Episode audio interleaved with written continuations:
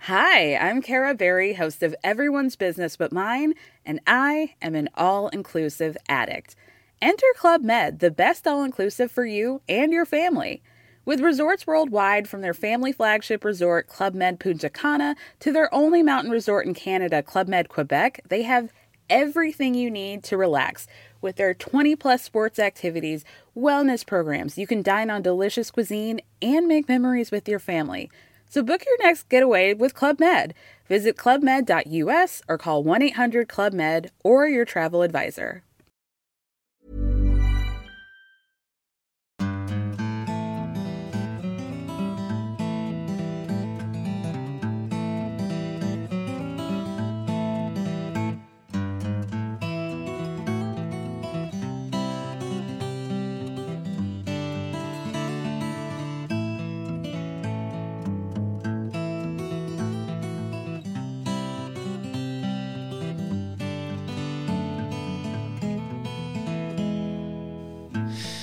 Hjertelig velkommen til en ny episode av Hall og knall-podden, og riktig godt nytt år til deg som hører på. Det var godt å si det! Ja, endelig fikk du si det. Endelig fikk jeg si det. Jeg har gleda meg siden det er åtte dager nå. Kan jeg også få lov å si det? Vær så god. Riktig godt nytt år til alle dere som hører. Ja, det var ikke så verst. Nei, kjennes godt. Ja, det var litt godt. Jeg har ikke sagt det til så mange heller nå i år. Nei, det er jo vel, det har vel sine årsaker, kanskje. Ja, det har jeg. Ja. Ja. Skal vi komme tilbake til dem etterpå? Ja. Ok. Ja. Du, eh, da er vi altså eh, i gang med en rykende fersk sesong. Sesong seks av Hall og knall-podden. ja, tenk det. Da setter vi nok et lite merke i, i boka. Ja. Eh, og da er det fem, fire sånn tsk, tsk, tsk, og en på skrå, og så en til Ja. etter det. Eh, Romertall V1. Yes. Ja. Det er ikke verst. Det er ikke verst. Og da blir det vel sånn ca. 20-ish episoder før det blir sommerferie. Ja, Så vi har mye å glede oss til. Mm. I hvert fall vi. Jeg og du, altså. ja det har vi. Ja. Eh, hva- hvordan er ståa? Juleferien er over og greier og greier. Åh, du, det var deilig egentlig å kaste ut jula. Ja. Selv om det er like artig og godt og sånn her hver, hver gang du liksom tar fram de her esken og, og skal pynte, ehm, så var det godt å, å hive den ut. Det er liksom tilbake til hverdagen. Ja, det likte jeg. ja. Ja, Er du, føler du at du er tilbake til hverdagen nå, da? ja det føler jeg. Ja. Ja. Så bra. Var det godt med juleferie? Ehm, ja, altså eh, Når jula kom, så eh, ble jeg sjuk. Og eh, det er først da nå eh, de siste dagene at jeg har eh, følt meg frisk. At jeg har vært ute av døra liksom, og, og kunne ha gjort ting. Så eh, jeg må si at denne jula her, den gikk jo rett i dass for min del. Jeg har kun ligget på sofaen stort sett. Ja. Hva du hadde slags planer da, som gikk i vasken? Nei, altså, jeg har jo sø- jeg hadde jo søstre mer hjemme. Ehm, vi skulle jo ut med hundene, og vi fikk jo for så vidt eh, Vi fikk jo flere turer før eh, andre juledag. Det var da jeg ble sjuk. Ja. Ehm, men jeg skulle ønske at eh, Jeg skulle jo tatt henne med liksom på skutertur, og nå har jeg jo liksom Jeg har fått skuterlappen siden sist hun bodde her hjemme. Eh, så ta henne med på en lovlig skutertur, og Å ja, har du, hatt, du har hatt som vane å ha med på ulovlige turer? fra Nei, det tidligere? snakker vi ikke om. Nei, den er grei. Sorry, vi hopper over det. Ja. Nei, så det var, vi hadde liksom planlagt isfiske og liksom, ja, mye sånn eh, uteaktiviteter. Mm. Eh, det ble det ingenting av. Så jeg har ligget på sofaen og sett på sjakk og mm, Det, er jo, eh, det hører jo romjula til. Ja ja, for alle, ja, det gjør det jo. Eh, men når du liksom du- altså, du kan ikke velge om du skal bruke de få timene som er lyst på dagen på å være Ja, sånn, hjemme og se på sjakk, eller Det kunne ikke jeg. Jeg hadde ikke noe valg. Jeg skjønner. Så, men altså, det- det var jo kjempefint å ha en Magnus Carlsen på øynene. Det- Altså ikke sånn på øynene, Eh, men sånn at når han spiller sjakk, liksom. Sjakkbrettet hans på øya. ja. Og motstanderen. Ja, for han var ikke så velfrisert på håret i år, han Nei. selveste Magnus. Nei. Nei, så eh, da har jula vært eh, rolig og, eh, og stille for min del. Mm. Ja, Jeg har faktisk også eh, tenkt, altså Vi skulle tenke på ukas mathøydepunkt. Jeg tenkte at ja, men jeg har jo ikke spist noe sånn der wow-mat. Og så kom vi på nei, for jeg har jo ikke hatt smakssans. Nei. Så første maten jeg åt eh, i jula, liksom, det var på nyttårsaften, som jeg faktisk kjente igjen smaka i. Mm. Jeg vet akkurat hvordan du har det, for eh, da vi hadde korona begge to, så mista vi jo helt smaksløkene. Ja, stemmer det. De var jo lenge borte. Kjempelenge. Mm. Eh, Flere uker. Lenge etter at vi var blitt friske igjen. Eh, og da så vi hva vi spiste. Vi kjente at vi tygde Vi, vi, vi kjente konsistensen. Nå er det ingen smak. Nei, Så det var omtrent sånn i eh, stort sett hele jula. Ja, da Uff, da syns da, Nå fikk jeg Det har du ikke sagt før nå. Nå fikk jeg medfølelse for deg. All den deilige romjulsmaten. og alt Du det. har sagt det, eller i hvert- i hvert fall prøvd å si det, for når vi sitter rundt eh, bordet liksom og gir terningkast, så var det du og gjestene, dere ga terningkast fem på noe. Mm. Jeg ga jo ikke det, og jeg ble jo helt sjokkert over at dere ga så høy terningkast på den maten der. Ja. For det var ikke så godt tenkt. Det men mangler mye smak, tenker Det du. mangler veldig mye. Ja, ja, men det er en følgefeil av eh, det å pådra seg eh, influensa. ja. Mm. Men du da, har du hatt det fint? Jeg hadde det kjempefint. Ja. Jeg har Sett på sjakk. Og, men jeg har jo vært frisk i romjula, da. Så jeg har jo eh, faktisk kunnet ha vært eh, litt, stukket snuten ut litt sånn innimellom. Eh, uten å være, risikere å bli mer sjuk, da, liksom. Ja. Men eh, jula er jo eh, Altså, i vår familie så er det jo eh, mye familietid, om- altså mye måltider, da. Så det har vært mye mat. Ja. Um, eh, jeg vet ikke om jeg skal si heldigvis, eller så Du er nå i hvert fall av den oppfatning at når første juledag eh, begynner å lakke og li ut på dagen, da, da får du hjemlengsel. Så da pakker vi pikkpakke, og så drar vi hjem. Ja, for vi, vi er jo nede hos mamma på, fra, ja, på julaften. Ja. Så vi er en overnatting der. Men jeg skjønner ikke, hver gang, hver jul nå så pakker jeg altså to kofferter, skiene og Ja. altså alt. Du detter i overoptimismegryta. Ja, ja, så bilen er stappfull, og vi har en lang transporter. Mm. Den er stappfull, og så er jeg bare der en dag, en overnatting. Og så jeg klarer ikke, jeg må ned og hjem igjen. Men sånn er fyr- første jula for meg, jeg må ha ro og fredag. Mm. Det er liksom, det er sofaen og, og en film eller et eller annet. Mm. Og så bare, ja, ligge og slekke den. Ja. Men eh, jeg kjenner jo at det, etter en lang jul, så når første, jule, nei, første nyttårsdag kom, og eh, da spilte jo Liverpool fotballkamp, Ja. eh, så sendte naboen eh, melding og spurte om han kunne komme over og se kampen. Og det var jo så kveldskamp Ja. i nitida cirka. Og da, da, der og da, da hadde vi liksom Det var faktisk første dagen gjennom hele jula, eller første kvelden, at vi hadde planlagt å være alene hjemme. Ja. Da var liksom all, alt og alle var foren. Eh, Det var bare oss to igjen. Ja. Da måtte jeg eh, være den uhøflige naboen og, og si nei takk til den forespørselen. Jeg følte meg litt dårlig, men Ja. av og til så må man eh, pleie seg sjøl lite grann. ja. Ja, for Men det var utrolig deilig å få den der den kvelden alene, for da har vi vært sammen med folk i vet du, farsken en og en halv uke. Mm. Hver dag da, og hver kveld og ja. ja, ja. ja det var godt. Um, men eh, skitt nå i det. Vi, jula er ute. Nå er den pakka ut. Nå er den Så pakka ut, nå, ja. nå skal vi lukke igjen den juleboka. Men Kan, kan jeg bare si noe, for det her tror jeg faktisk skjedde etter eh, vi spilte inn siste podkast. eh, ja, ja. Tror jeg i hvert fall, men det var i hvert fall en sånn skrekkopplevelse. Oi! For når jeg pakka ut jula, altså ut ifra em, Når du loftet pakka, pakka fram jula. Pakka Ja, opp. pakka opp jula. Em, så seinere på kvelden, klokka var Altså, det var, det var rett før jeg skulle gå og legge meg. Og der syns jeg høres sånn her Altså, jeg, og jeg kjenner Jeg vet akkurat hvordan en veps høres ut. Og jeg tenkte det må jo, faen, meg- jeg må jo høre synet. Vi er jo, det er jo midt i mørketida, det var 15 minus ute, og, og så kikker jeg opp i taket, og der hang det altså en vapsedronning på sikkert fire centimeter. Mm. Uh, rett over meg. Og fløy og levde. Så jeg sprang jo, jeg krasja i kjøkkeninnredninga og, og slo meg forderv. Og tenk det! Hun har kommet ned med julepynten, hun har ligget oppi de askene som jeg har grodd i år. Jeg hadde følt uh.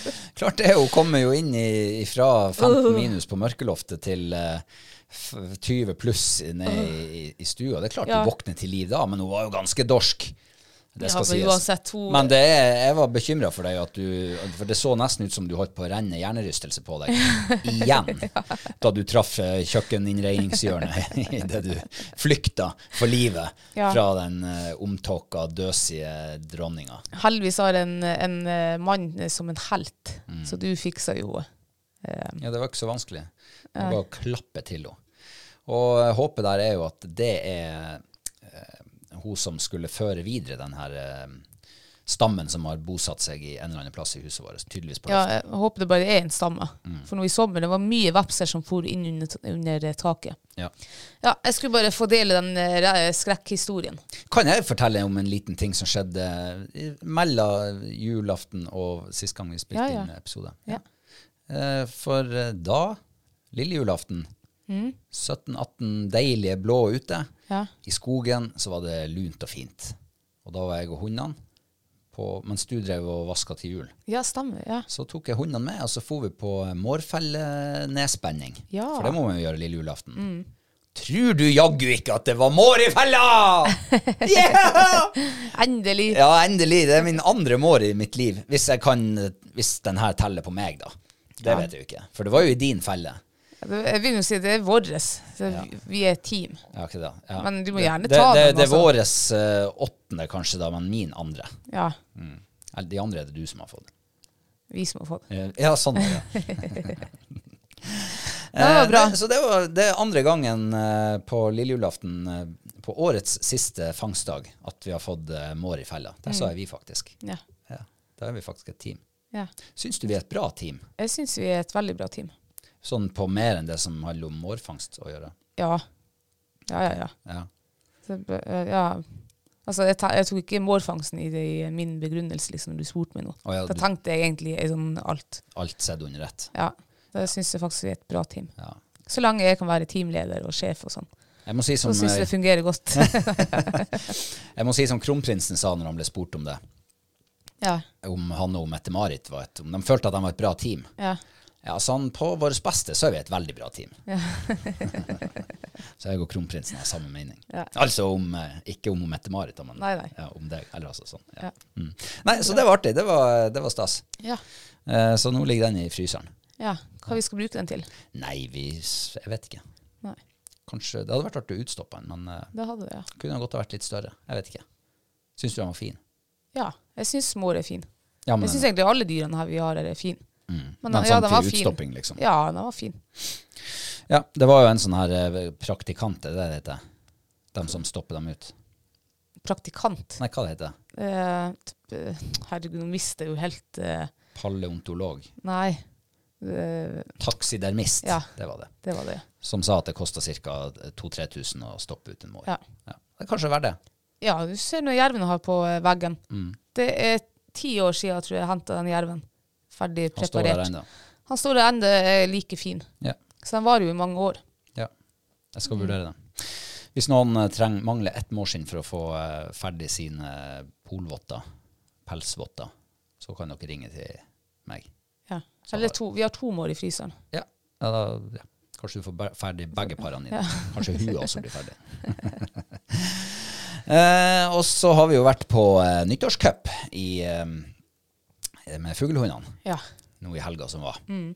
Og det, var, det, er jo, bli- det er jo en tradisjon ifølge arrangøren, eh, han Ola Dyrstad, som vi hadde som gjest eh, for aldri så lenge siden i podden, eh, så var det vel 17. eller 18. gangen den arrangeres nå. Stemmer det, ja. Så det nærmer seg et 20-årsjubileum. ja. Eh, Så det er jo blitt for mange, og det er blitt en sånn eh, nyttårstradisjon. Så På en måte eh, sparke litt rolig i gang jaktprøvesesongen. ja. Det er jo veldig uhøytidelig og uformelt, men eh, allikevel. Ganske formelt når man liksom står i det der. Ja, ja, ja. Ja, ja. Ta på startnummeret, så er du klar, liksom. Ja, jeg kjenner jeg er med en gang i konkurransemodus. Eh, Mista den litt nå, da. På- jeg skulle, hadde jo første slipp med Fight. Ja. Eh, veldig lovende. Så jeg sto der, og det ko- jeg så en rypeflokk på 40 ryper, og jeg tenkte yes, her er fugl attmed veien. Og, og når vi går liksom og, og skal krysse veien og så, og, i terrenget, så kommer det en liten gjeng også, så lander liksom like foran oss der. Og når jeg trør ut, i, ut fra veien, så trør jeg altså med snø til langt over knærne. Og da tenkte jeg herregud, hvordan s- farsken skal hun fight klare å springe i det her? Og da mista jeg all trua. Mm. Å, ja. Så jeg hadde egentlig ikke faktisk så veldig mye konkurranseinstinkt det første slippet. Nei. Ja. Så eh, vi slapp nå på. Gordon Sæteren for, for rett fram, rett i stand. Hvem det var som Gårdensæter? Karl Petter, han har vi også der i studio. Han har jo vært eh, co-host mens du var på 71 grader nord. Stemmer det, ja. Folk kjenner han. Ja, ja. Ja. Så hans hund slo fight i fugl, og det som var litt artig, det var at når den Gordonsetten der står i stand der, og jeg prøvde å rope en par ganger på fight, men det nøtte jo ikke. Eh, Så hun går nå bare rett forbi gården, setter den bak og kikker litt dumt på henne, og så setter hun seg egentlig like ved sida av dem ti meters mellomrom og skiter. Og da mista du det lille du hadde igjen. av- Ja, da tenkte jeg herregud, det der ser dumt ut. Jeg håper nesten at det ikke skulle være fugl her. Og sånn, hvis jeg skal trøste meg litt da med det, da satt fuglene ka- over 100 meter eh, og vekk ifra vin, liksom derifra. Og Faito er ikke så myk i nesen, så, så jeg, jeg trøster meg med det. At det var derfor hun satte seg ned og skøyt. Hun spilte ut rutinekortet sitt. Ja. Men, eh, ja, Nei, det var artig syn. ja. Eh, men eh, det var i hvert fall en eh, fin dag i marka. Vi holdt på helt til det ble mørkt. Ja.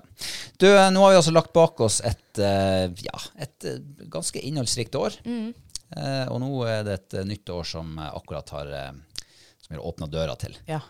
Har du noen sånn eh, forventning eller ting du ser fram til, eller et eller annet du gleder deg til? Eller? Ja, altså, jeg, jeg gleder meg til, til eh, Altså, jeg har mye å glede meg til. Eh, alle måneder og, og årstid har jo sin sjarm og, og, og sånn der, men eh, jeg kjenner, jeg gleder meg aller mest til sommeren igjen. Jeg føler den sommeren 2023 der jeg, jeg gikk glipp av så mye. Altså, jeg fikk ikke, jeg fikk ikke fylt opp den her eh, sommerkvoteopplevelse, altså minneboka mi. Eh, Ja, for du var, var litt sånn pusk i, i rundt ferietida og sånn. Ja, det er også at, man, ja, at jeg var syk, men jeg føler at liksom ja, det- Vi var liksom ikke Jeg føler at vi ikke fikk vært opp på de skikkelig gode fiskevannene. Vi gikk litt på sånn her ekspedisjonstur og, og en par dager der og en par dager der, og bare liksom der folk hadde sagt at å, der er det stor fisk, og så går vi, bruker vi mange timer og mil å gå inn dit, og så er det ikke stor fisk der. Det er ikke fisk der. Og da tenker jeg åh, det der, vi har gjort det før også, som har gått mange bomturer. Og ja, vi har jo tenkt etterpå at det skal vi aldri gjøre igjen, og så gjør vi det igjen. Men nå skal jeg faen meg aldri gjøre det igjen. Ha! Så sommeren 2024, da skal jeg kun gå der jeg vet det er storfisk. Du, Der ja. skal jeg ligge i mange uker i sommer og kose meg. Ja, ok. Så forskningsturer, det er det slutt på heretter. Ja, I hvert fall- i hvert fall ikke de her lange turene. Altså sånn her, du kaster bort en hel helg liksom på, eh, på Det gidder jeg ikke, tror jeg. Men eh, vi har jo lekt litt med tanken om å, å prøve å, å få det til sånn at vi faktisk kan være en hel måned på fjellet i sommer. Eh, Mm. Ja. om det blir gjennomførbart sånn rent praktisk, det gjenstår nå å se, men, Mm. men eh, det hadde vært veldig artig. Det har vært artig. Og det er klart, da er jeg jo åpen for å selvfølgelig utforske nye områder. Jeg gidder ikke å ligge med det samme vannet i en måned. Nei, det Men kjenner det jeg. blir noe annet, da, sant? for da er du på en, en ekspedisjonstur. da. Ja. Ja. Ja, det hadde vært sykt artig. Og, Ja, det hadde og, det. og så er det jo mange ting som skal på plass. Og den, den er jo litt sånn på tanke-tegneblokka, sånn Mm. vel- veldig i startgropa. Så får vi nå se om vi klarer å få det til. Men det hadde jo vært eh, Det hadde jo antagelig blitt høydepunkt, det, Mm. fra 2024, hvis vi hadde fått det til. Tenk alle de områdene og de vannene man kunne ha utforska. Små elver og bekker og sånn her som, som er så langt unna at du ikke når å gå dit på en helg eller på en uke. Mm. Åh. Eh, det mm, Ja, da tror jeg vi hadde fått sett mye av mye natur som eh, stort sett er urørt av eh, menneskehender. Ja. Ja. Jeg har jo et område som han bestefar snakket om når vi var unger. em, om store røyer og masse rype og sånn. Og, liksom, og så har jeg jo fått vært i det området på vinteren. Eh, og, nå- og jeg har aldri vært på sommeren før, og der, der klarer du, ikke- du klarer ikke å gå dit eh, på en, en helg. Så hvis denne turen her blir, så håper jeg at vi kan fære innom det området. Og der er mye fiskevann, og det er ah, Ja, Ja. Det, det er noen juveler rundt omkring absolutt. Mm. som, eh, som absolutt eh, hadde vært artig å besøke. Jeg har eh, Utover det, da, eh, om det nå blir noe av eller ikke, så har jeg, eh, jeg har to ting som jeg liksom kjenner at jeg har litt forventninger til. Eh, utover alle de vanlige turene ikke sant, til de gode, hva skal jeg si, trygge plassene fiskemessig. Men eh, vi fikk jo, da vi gifta oss, fikk vi jo, eh, fikk vi jo eh, en, eh, en reise til Liverpool i bryllupsgave. Mm. Eh, og England, for dem som vet noe om det, så er jo England eh, kanskje brunørretens, eller i hvert fall fluefiskets vugge. Ja. Eh, og, og det har jeg bestandig hatt lyst til å oppleve. Så nå har vi begynt å, å se på muligheten for å kunne reise over på fotball- og fluefisketur til England. Eller til Storbritannia. Ja. De Med- to F-ene. De to F-ene, ja. Åh, det har vært kult. Ja, altså, jeg har eh, begynt å undersøke litt, grann, og eh, området rundt Liverpool, liksom Nord-England, der er det ekstremt lite ørretområder. Mm, Men tar du turen over grensa til Wales, som egentlig ligger bare en eh, togtur på en eh, halvannen time unna Liverpool, mm. så er du plutselig inne i et, eh, så vidt jeg har skjønt, Eldorado. Der er det ørret i alle bekker og elver, og det er sjøørret, og det er, du kan treffe på laks, og, ja, og det er, jeg har sett litt på kart. Det ser meget spennende ut. Masse sånn litt større elver, og veldig mange sånn små elver og, og bekker. Eh, det hadde vært sykt artig. Åh, det hadde vært så artig å k- kunne få en sånn her kombitur, ja. Mm. Og, og der begynner jo fiskesesongen mye tidligere enn her nordpå. Her driver vi jo enda og bare holder i isen når ørretfisket er meget godt i gang der nede. Ja. Og eh, vi har jo tenkt mange ganger liksom fære, til, eh, fære på kamp i mai i Liverpool. Da er det sommer der nede. Eh, sitte ute, T-skjorte, slippe å pakke dunjakka med deg. Eh, og april, mai, det er jo samme tida. Da er elven åpen, og det klekker, og det vaker, og det er åh. ja, det håper jeg blir noe av. Da gleder jeg meg veldig til det. Ja. Det har vært en stor opplevelse, tror jeg. ja. Og så er det en ting til som vi så vidt begynte å snuse litt på i fjor. Og det er sankesesongen. Altså fra sneen forsvinner og gjennom hele sommeren og sikkert hele høsten òg, så er det sanking. Og, og vi begynte jo å se litt på nyttevekster i fjor som eh, ja, Det virker så spennende å liksom utforske mer. Lære flere arter, flere sorter som man kan eh, spise. Som kan erstatte ting du kjøper på butikken, kanskje. Ja, Det, det har jeg litt forventninger til. Det var jo sånn at Vi begynte jo å kjøre med sankeboka i bilen når vi var, eh, når vi var ute og gjorde andre ting. Ja, for vi, jeg husker at vi brukte mange uker på å finne den skvallerkålen, tror jeg det heter. Vi brukte mange uker på å ikke finne den. Ja, ja, ikke sant? Men Vi fant den aldri. Vi fant Men det, den aldri. Mm. det vil jeg gjøre nå denne sommeren. Eh, ja, det gleder jeg meg også veldig til. Og eh, det der hadde jeg glemt, altså. Eh, men nå fikk jeg jo gode minner fra denne sommeren. Og vi, altså, vi åt eh, eh, grønne urter og vekster fra liksom plenen og skogen og sånn som vi hadde plukka sjøl, helt gratis, Mm. gjennom hele vår og sommer. Ja, Helt sykt. Tenk hvor mye penger man sparer oss. For mye av det her smaker jo sånn som grønnkål, asparges, altså de her mye, altså mye sånn matvarer da, som eh, vi bruker ellers i matlaging. Ja, det var helt rått. Ja. Det syns jeg var artig. Mm. ja. Og kan bruke liksom av naturen. Som ellers eh, plukker du ikke, det er vel da dauer det bare, og så vokser det opp til igjen til neste år. Mm. Så eh, ja. Men, og det er liksom, og, og tenk all den gleden man kan ha når man begynner å finne sånne her ting. Eh, ja, du sparer penger, og ja, og du får ekte økologisk, helt naturlig alt. Ja. Eh, sikkert mye mer fullproppa av sunne stoffer enn det man får i tilsvarende på butikken. ja. Så ja, jeg gleder meg til det. Ja, det gjør jeg også. Åh. Og så gleder jeg meg veldig også nå til eh, Jeg håper det blir eh, at vi får noen fine vinterhelger.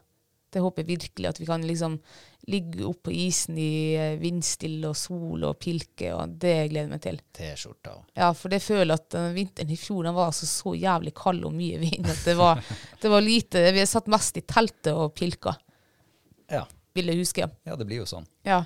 Og det var jo mye, det var mange helger vi var liksom værfast her hjemme. Ja. På grunn av kulde og vind og snøfokk og ja. Ja. Så jeg håper det blir en eh, trivelig april, aprilmåned, ja, i hvert fall. Og mars. Ja. Ja. Og kanskje begynnelsen av mai. ja. Ja, men bra. Ehm, du, vi må, nå har det jo vært, eh, vi må innom fantasyligaen vår litt. Grann. Ja. Eh, vi må bare ta en liten eh, oppsummering. der. For nå har det jo vært eh, juleprogram, tett og heftig. Eh, mye spillere som har vært eh, hvilt, som har vært skada, suspendert. Det har vært mye rødt på lagene våre eh, til veldig mange. ja. Eh, og før vi tok eh, juleferie, så var jo statusen det at eh, han Espen Skretting gikk inn i eh, i hvert fall vår juleferie som ligaleder med Luma Kari Fish and Chips. Nå har det snudd. Det skjedde endringer. Ja.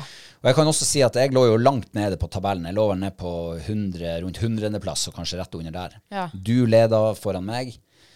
Det har også snudd. ja. Ligger du langt oppe nå, eller? Å, Ja, ja, ja. Nå har jeg kommet meg opp til 56. plass. Nei. Yes. Eh, og du ligger 20 plasser bak meg. Æsj. Jeg har hatt så dårlige runder. Ja. Farsken, altså. Siste runde var bra for veldig, veldig mange. Eh, det var mye, mye høye poengsummer. Ja.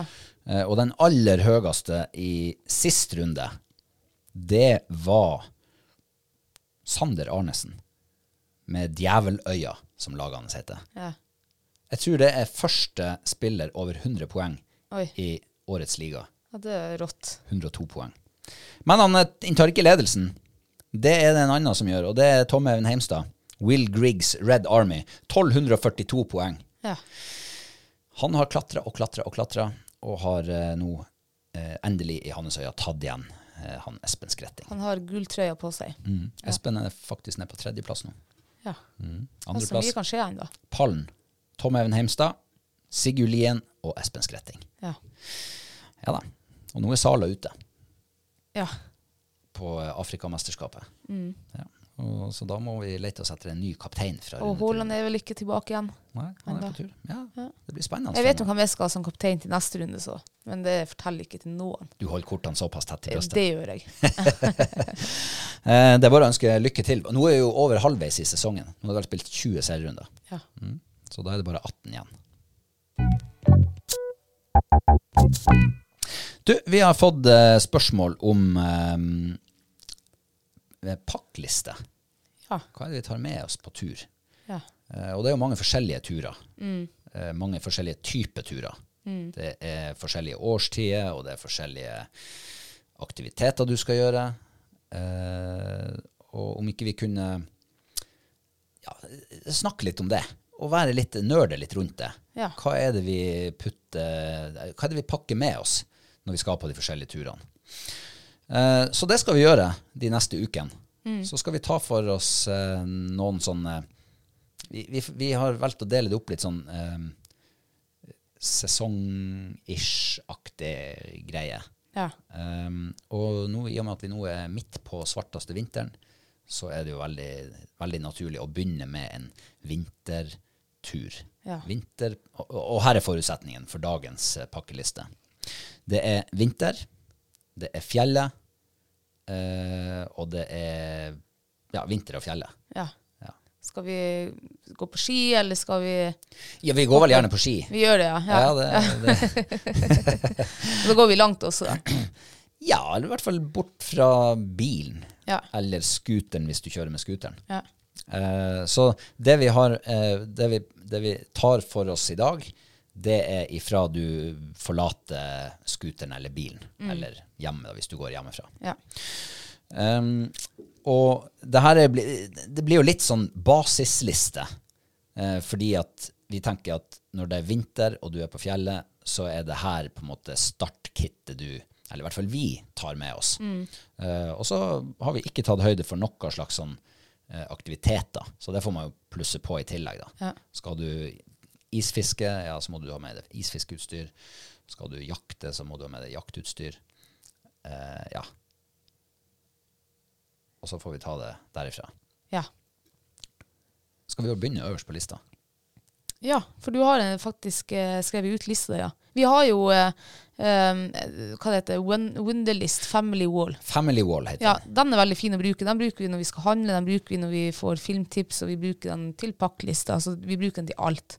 Og så har vi begge to liksom eh, em, Tilgang. tilgang til den, ja. Ja. Eh, så denne pakkelista her, den har vi jo hatt bygd opp liksom gjennom mange år. ja, og eh, det bærer den kanskje preg av, for eh, når vi skulle begynne å gå gjennom den, så var det jo eh, Ja, eh, den trenger litt sortering. Jeg så det. Der var alt mulig rart som har vært med oss på tur en eller annen gang. Mm. Eh, jeg trodde det her var en ren sånn vinterturpakkliste, men det var veldig mye mer oppi der. Ja, det så jeg. Men i hvert fall, det kan jo være et godt tips til, eh, til folk. Altså, eh, nybegynnere eller turvant eller uansett, da, så er jo en liste liksom, som, du kan, som du kan eie og ha i alle år. Det er jo helt genialt, så slipper du liksom å tenke. Vi har jo vært på fjellet der vi har glemt, liksom, vi har glemt både lighter og eh, gass, primus og sånn her. For at det liksom, eh, når du liksom skal ut på første turen, det har vært eh, Um, ja, det har kanskje vært en stund siden du var ute sist, og du eh, skal hoppe fra høst til vinter. Og, Mm. ja, det er fort gjort å glemme liksom, noe som er eh, veldig aktuelt å ha med på er den turen. Ja, absolutt. Og, det, og, det, og det er jo det fine med å bruke en sånn listeapp. Mm. det er jo at du kan beholde den samme lista over mange både turer og år, Mm. eh, og, og videreutvikle lista ettersom du ser at oi, det glemte vi å skrive på lista, eller oi, det var høvelig å ha med. Ja, da legger vi det inn på Mm. den lista. Og når du sjekker det ut, liksom, så er det ikke bort, da. Nei. Så er det, bare, det er bare bort for den turen, og når du er kommet hjem igjen, så trykker du bare alle liksom fri. Ja. Ja. Så eh, til dere som nå gikk glipp av navnet på den appen vi bruker, så er det Family Wall. ja. Den er genial. Og vi har prøvd mye forskjellige lister, eh, men den her er enkel. Eh, det eneste ulempen er at den, det av og til så går det litt tregt fra du legger inn noe til den oppdaterer seg for den andre. Ja. Den eller de andre. Eh, ok, så på våre Oi! Nå kommer det stemmeskifte. Ja, jeg brygger på noe jeg også. Eh, på vår pakkliste, som nå da er sortert litt, grann, basistur vinter, så er jo eh, det f- øverste på lista er pulk. Ja, Og da har vi jo én pulk hver. det har vi, ja. Og, og det har vi jo eh, Før jeg møtte deg, så gikk jeg jo aldri med pulk. Vi, jeg gikk med storsjekken. Og der bar jeg absolutt alt som jeg skulle ha med meg. Og jeg ser jo egentlig nå, selv om jeg hater å dra pulk, så eh, er jeg jo faktisk veldig glad i pulken på vinterstid. For at du får jo med deg så mye mer, liksom, og, og du klarer å kan pakke det liksom mye bedre og Ja. Så det pulke er et must. Ja. Eh, og har du tre pulker, og at du har en hund For nå drar vi pulkene sjøl, men det er jo mulig å spenne hundene for pulk òg. Det Mm. Ja, har vi ja. Mm. jo òg gjort. Eh, de er jo sterke og drar, dem òg. Eh, så du kan jo faktisk ha med deg eh, en tredje Vi kunne hatt med oss en tredje pulk hvis vi hadde hatt det, Ja.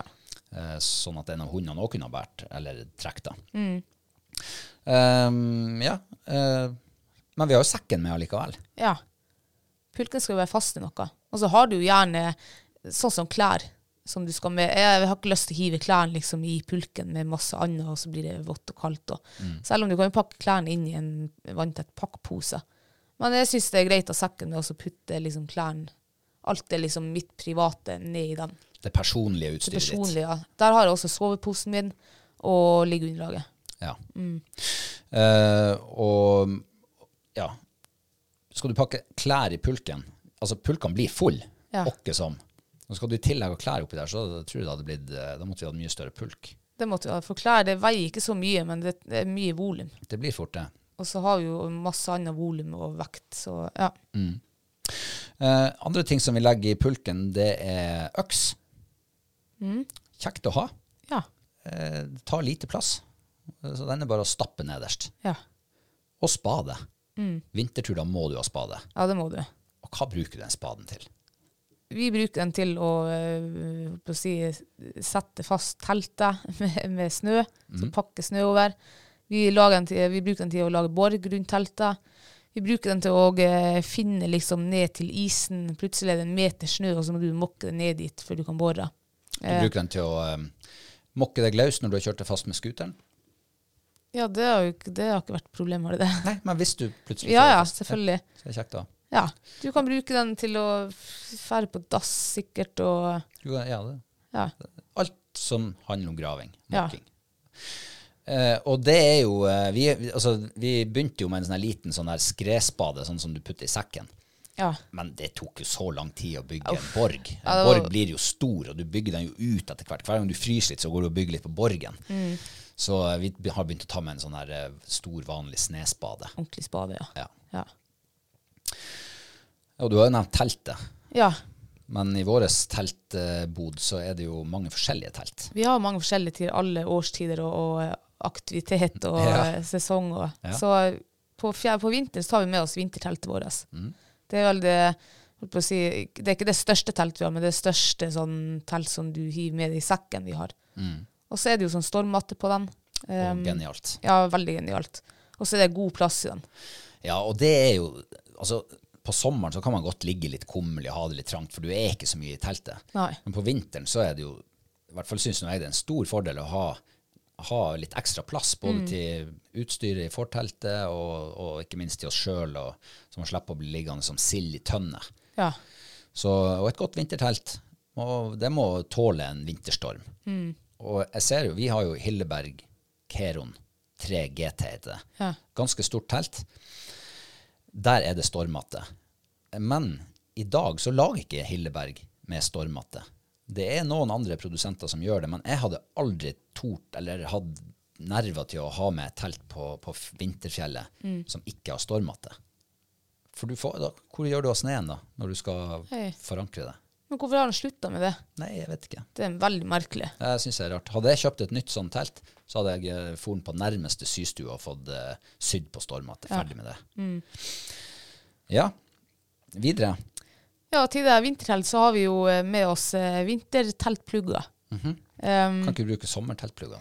nei, det har vi prøvd, eh, men det gi- går ikke hvis det er mye løs snø og sånn. Og, eh, så har vi jo funnet ut at eh, det beste til vår bruk, det er å hogge deg noen eh, bjørkekvister, lange riser, eh, sånn veistikke Størrelse. størrelseaktig. Tjukkelse. Mm. Ja, tjukkelse. Eh, og, og dem høgde vi her i hagen vår for eh, fem år siden eller noe. Mm. Og dem har vi ennå. Ja. Ja. Genialt. Og dem s- når vi kommer så langt i pulkpakkinga at de skal pakkes på, så er det stort sett fullt i pulken. Så Ja. da blir de eh, bare snørt opp på toppen under strikkene. Funker kjempebra. Ja. Og en annen fordel med å ha med seg sånne, du, eh, sånne eh, pinner, da, det er jo at eh, du slipper å bruke skiene og stavene til akkurat det. For når du ligger i en camp og skal ut på isen eller ut og jakte eller gå deg en tur, så må du jo nødvendigvis ta opp skiene og stavene dine. Og da står jo teltet litt mindre fast. ja. Og det er jo det vi har gjort før, liksom. Vi har brukt skiene og, og skistavene. Ja. Ehm, det går jo an til å kjøpe seg sånne her eh, altså det, kalles jo, det er jo egentlig sånne eh, sandplugger som er litt lengre og litt bredere og flatere, eh, som også skal, visstnok skal funke ganske bra i sne. Ja. Men ehm, ja, de er jo ikke så lange. Våre raie, eller de her pluggene, er jo ja, bortimot en meter, kanskje en meter lang de lengste. Så det, du får kjørt dem godt ned i sneen. ja. Og så er de jo økologiske og kortreist og gjenbruk og Ja. ja. Ja. Så eh, veldig fornøyd med teltpluggene våre. Og når vi nå har fått slått opp teltet og skal begynne å reie det inn, så er det jo også noen ting vi, vi har med oss. Eh, Jeg, setter i hvert fall, jeg bruker mye tid og energi på å holde meg tørr, og holde klærne mine tørr, utstyret mitt tørt om vinteren. Eh, For det er litt mer krevende å, å tørke det. Ja. Eh, Men vi har altså funnet, og det eh, hadde vi faktisk med som eh, et lite life hack her i høst en gang. Eh, Et sånt svært liggeunderlag, det er egentlig en sånn byggisolasjonsmatte eller noe sånt, eh, som vi har skjært til sånn at det passer perfekt inn i innerteltet. Så det legger vi helt i botten eh, for å liksom bare skape den der, eh, at ikke det blir noe sånn glippe. Nei, altså, altså, vi, vi fikk vel den her for en to-tre år siden, kanskje. Da blir det liksom et helt annet miljø og klima inni det teltet etter den kom. For før så lå vi oss bare rett på duken opp på de reinskinnene. Og ofte så var jo reinskinnene våte liksom unnanifra, og det var liksom ja, det ble, Og så ble det veldig mye humpete, liksom. Der snøen tinte der vi satt, der ble det tint, og det ble grop, og det ble steinhardt. Den her isolas- isolasjonsmatta, den holder liksom mye bedre på em, formen inne i eh, teltet vårt. Så det er mye mer beint da. Ja. Det blir ikke de der eh, gropene og Og så veier den jo ikke sånn, den veier jo nesten ingenting. Nei, den veier ikke, men den tar litt plass på pulken. Men den har vi også eh, ofte ytterst på pulken, Ja. på stroppene. Den, den og de der teltpluggene blir, blir eh, pakka sist på. Ja. Ja. ja, videre. Og så har vi med oss eh, liggeunderlag. eh, vi har eh, med oss eh, sånne der tynne skum-sittunderlag slash liggeunderlag. De er jo fine å ha med seg ut på isen. Og, og ofte så har vi jo dem til hundene også under reinskinnet deres. De også får ekstra isolasjon, da. Mm. Eh, og så har vi med oss sovepose vinter. Vi har jo sovepose faktisk for fire årstider. Ja. Så vi har eh, dunsovepose vinter. Mm. Elsker den. Eh, verdens beste sovepose. Ja, da gjør det ingenting om det er 20 blå ute. Og Nei, vi den har, altså- eh, varmer også. Ja, jeg tror vi har sovet i, i hvert fall 25 minus i den. Mm. Det eneste plassen det er kaldt, det er i snuten. Ja, det er sant. og så har vi med oss hodepute. Og det, har vi jo, eh, det er jo ordentlig sånn her, s- nesten sånn sofapute, da. Ja. Ja, Det er jo små sånn sofaputer. det er det, ja. Ja. Det er kun tror jeg, på vinteren at jeg tar den med meg i sekken. Mm. For den er litt, det er litt volum i den. ja, det er litt volum. Men når du har pakka alt det andre utstyret du skal ha i sekken i pulken om Mm. vinteren, så er det plass til den i sekken. Det er det, ja. Og da har du jo stort sett bare klær igjen i sekken, så da da, gjør det ikke, da veier den liksom ikke så mye. Nei, den gjør ikke det. Og så er den, det er god verdi å ha med seg. Ja, Ja. den eh, innfrir på verdi på de tre V-ene. Ja. Vekt, volum og verdi. eh, og så bruker vi jo alltid å ha jervenduk eller jervenduker. Mm. Både de her tjukke og de tynne. Ja. Eh, de er jo også fi, ja, veier jo ingenting. Fin å legge ut i forteltet. Ja. Eh, under bagasjen. Mm. For det blir jo litt, eh, når du ligger og fyrer i forteltet, så blir det jo noen plussgrader der. Eh, og da begynner sneen å smelte. Og har du sekkene liggende der, da, så blir de våte etter hvert. Mm. Så det, vi bruker dem til det når det er sånn inni teltet, i hvert fall. ja. Da blir det litt, jeg syns det blir litt mer sånn orden og fint når Ja. du skal ligge noen dager på fjellet. Ja. Jeg liker å ha litt sånn teltryddig. Gjør du det, ja? Ja. Jeg Så setter, det blir- pri, jeg setter pris på deg også. Ja, så det er veldig ryddig og pent med å ha liksom sekkene og alt eh, oppå de her jervendukene. Mm. Og det er jo fordelen med et sånt stort vintertelt med stort fortelt, hvor du har plass til å ha utstyret ut i forteltet og slippe å fylle innerteltet med det. Eh, ja. Videre så har vi jo Ja, vi har sånn teltlykt. Ja. Eh, og på vinteren så må man jo ha lys. ja. Eh, jeg ser jo at noen bruker eh, stearinlys, men de her små eh, ultralette telt, eh, teltlysene, de lyser jo i massevis. Eh, og lyser en hel vinter og flere vintre med samme batteri omtrent. Og så er det litt tryggere å ha eh, teltlys med, på, som går på strøm, enn stearinlys. Jeg vet om jeg ville ha tent på stearinlys inni teltet. Med, hu- vi har jo hunder med oss, og nei, det tror jeg faktisk ikke jeg hadde tort, for det tar teltet fyr opp på fjellet, så eh, kan det, eh, det kan potensielt være krise og livsfarlig. Det er jo høybrennbart materiale, alt det Ikke der i sant? laget. Så tar det først fyr, så da er du ferdig. Ja. Eh, Da har du i hvert fall et stort problem. Yes. Ja. Så vi tyr til teltlys, og så har vi jo med oss hodeløkt. Ja. Og så har vi også med oss termometer, som vi har, eh, den er ferdig rigga inn i teltet. Den er hengt på stroppa vi har her inne. ja.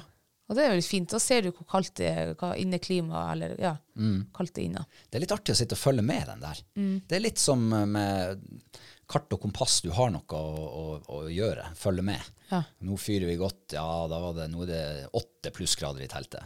Og der gikk sola ned, nei, der ble det åtte minus. Det er, sånne- sjelden vi har det under null når vi er våkne i teltet. ja, det er sant. Eh, Men det er, jo, eh, det er jo artig å følge med, da. Ja, ja. Og særlig når det blir ordentlig kaldt ute. Hvor kaldt har vi det egentlig i teltet? Ja. ja, det er sant. Ehm, og så er vi jo selvfølgelig, vi har jo snakket om det, men eh, du må jo ha noe varme med deg. Noe til å koke mat på, eh, koke kaffe på. Eh, og du nevnte jo her i sted at vi hadde, vi, har- på grunn av at vi ikke hadde liste, pakkliste før, så f- for vi fra gassboksene eh, hjemme, eller fra bilen. Og gass på vinteren, det er jo ikke det mest optimale. Nei. Det blir dårlig varme, og du får lite effekt ut av det. Ja. Så vi har eh, en sånn multifuel-brenner som går på bensin, eller den går jo på forskjellige drivstoff. da. Men vi bruker bensin. Rensa bensin. Eh, så vi bruker kjøpe det på Felleskjøpet. Den gir brukbar varme. Mm. Ja. Og den varer til så lenge det er bensin på tanken. Ja. Ja. Eh, og vi har mye bensin med. ja. Mye mer enn vi tror at vi trenger. ja. Men det er jo greit å være på den eh, sikre sida. Ja, man vet jo ikke. Plutselig så blir du overraska av eh, dårlig vær eh, og blir liggende værfast. Da er det veldig kjedelig å bli fri for bensin eh, den dagen du skulle ha gått ned. Ja. Og ikke sant, Det er jo fordelen med å ha pulk. Du kan putte bra mye mer ekstra både sikkerhet og litt goder med dit, Mm. uten at det nødvendigvis gjør noe. Så vi har jo faktisk, eh, ja, selv bare på en eh, kort helgetur, vi vet at vi kommer kanskje til å brenne 1,5 liter bensin. Så har vi fem med oss. Da, vi kunne sikkert vært flinkere og planlagt det, da, men, eh, men å begynne liksom å måle i flaske på Det blir jo bare det grisete. Så det er bare greit å hive den der dunken på tre liter, eller hva den er for noe, fem liter. Ja. Ta hele med. Mm. Så går du i hvert fall ikke fri. ja. Ja. Og eh, med Altså, den her brenneren og det her, det eh, ligger bestandig på en sånn her underlagsplate. Altså den eh, en, Jeg tror det vi har, vi har skåret av en skive fra en sånn her veggpanel eller noe. Mm. ja, det er en, det er en sponplatebit. det. Sponplatebit, ja. Eh, det er jo egentlig veldig greit, for da er den, den er bein. Da ligger liksom brenneren ligger beint, og den slipper å ligge ned på snøen, og det slipper å bli vann på den og gris og Og den er tryggere å bruke, ikke minst. Mye tryggere den å står bruke, stødig. Det gjør den, ja. Mm. Jeg ser jo noen har uh, laga seg en sånn, her, eh, sånn festeanordning til særlig brenselsflasker, hvor de på en måte bare setter en sånn eh, spenne over den, Å ja. sånn at den står helt fast. Ja. Eh, og det er jo noen velger nå å gjøre det, sikkert av sikkerhetsmessige hensyn. Mm. Eh, men eh, vi har nå fram til nå i hvert fall berga oss uten. ja. Og vi har to sånne med. Ja. Ja. For den ene, den andre er jo veldig greit å ja, dekke på. Skal du ete, så slipp tallerkenen eller liksom ligge oppå fotene dine når du sitter i kryssinnteltet, for du har sikkert andre ting som ligger mellom der. Mm. Eh, så det er greit å ha med sånn du kan både skjære mat på og ja, bare ha som e, egentlig som et bord. Ja. Ja. Um, Og de er Så har vi jo jo flatpakka. de er Tar jo flatpakke, ingen plass. ja. De tar ingen Nederst plass. i pulken. Veier sikkert litt. da. Ja, det På gjør sommeren hadde jeg ikke tatt det med. Nei. Og så har vi med oss repsett og reserve, reservedelsett til brenneren.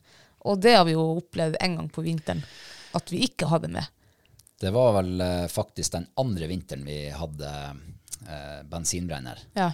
hvor vi hadde brukt den eh, sesongen før. Eh, og så kom vi til neste vinter, den hadde ligget i gar- garasjen hele sommeren.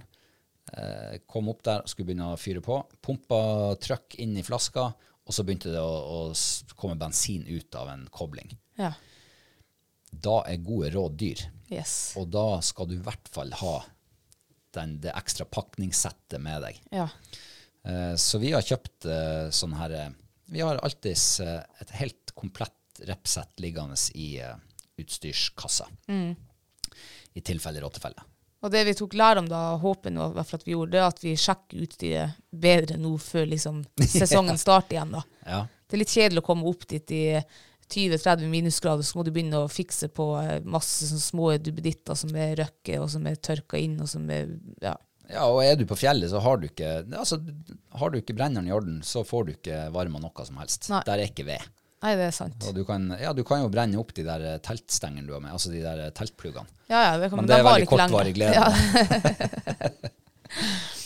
Og så har vi med eh, fyrstikk eller lighter, og det har vi jo også opplevd at vi har glemt før denne pakkelista. Eh, Mm. Ja. Når jeg røkte, så var, så var ikke det en bekymring, altså, for det var med oss bestandig. Ikke sant? Og det var vel derfor det var så selvsagt.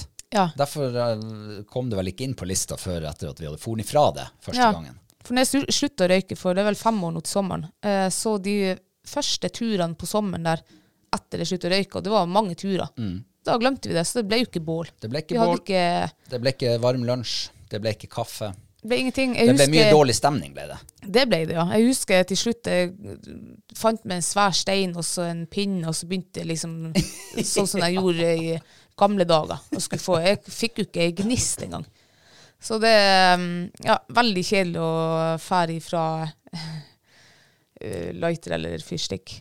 Så nå står den på lista, faktisk. Den står faktisk på lista. Ja, Ja. eh, ja og så har vi jo eh, Når du har fått fyr på det der, så s- har du jo gjerne noe du skal koke eller steike eller Ja. noe sånt. Så da er det en kaffekjele, en steikepanne, en kasserolle og en steikespade. Mm. Og en sånn der klype til å holde, holde kasserolla med når den er varm. ja. Ja.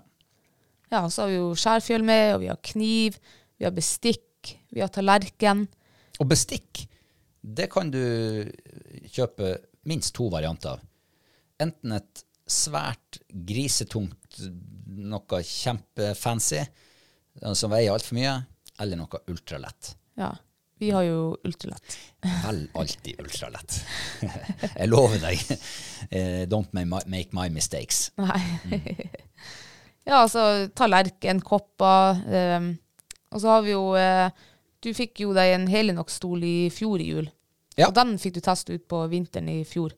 Ja, jeg har testet den ut på vinteren, jeg har testet den på sommeren, og den er alltid med. Ja, det har jeg jo sett.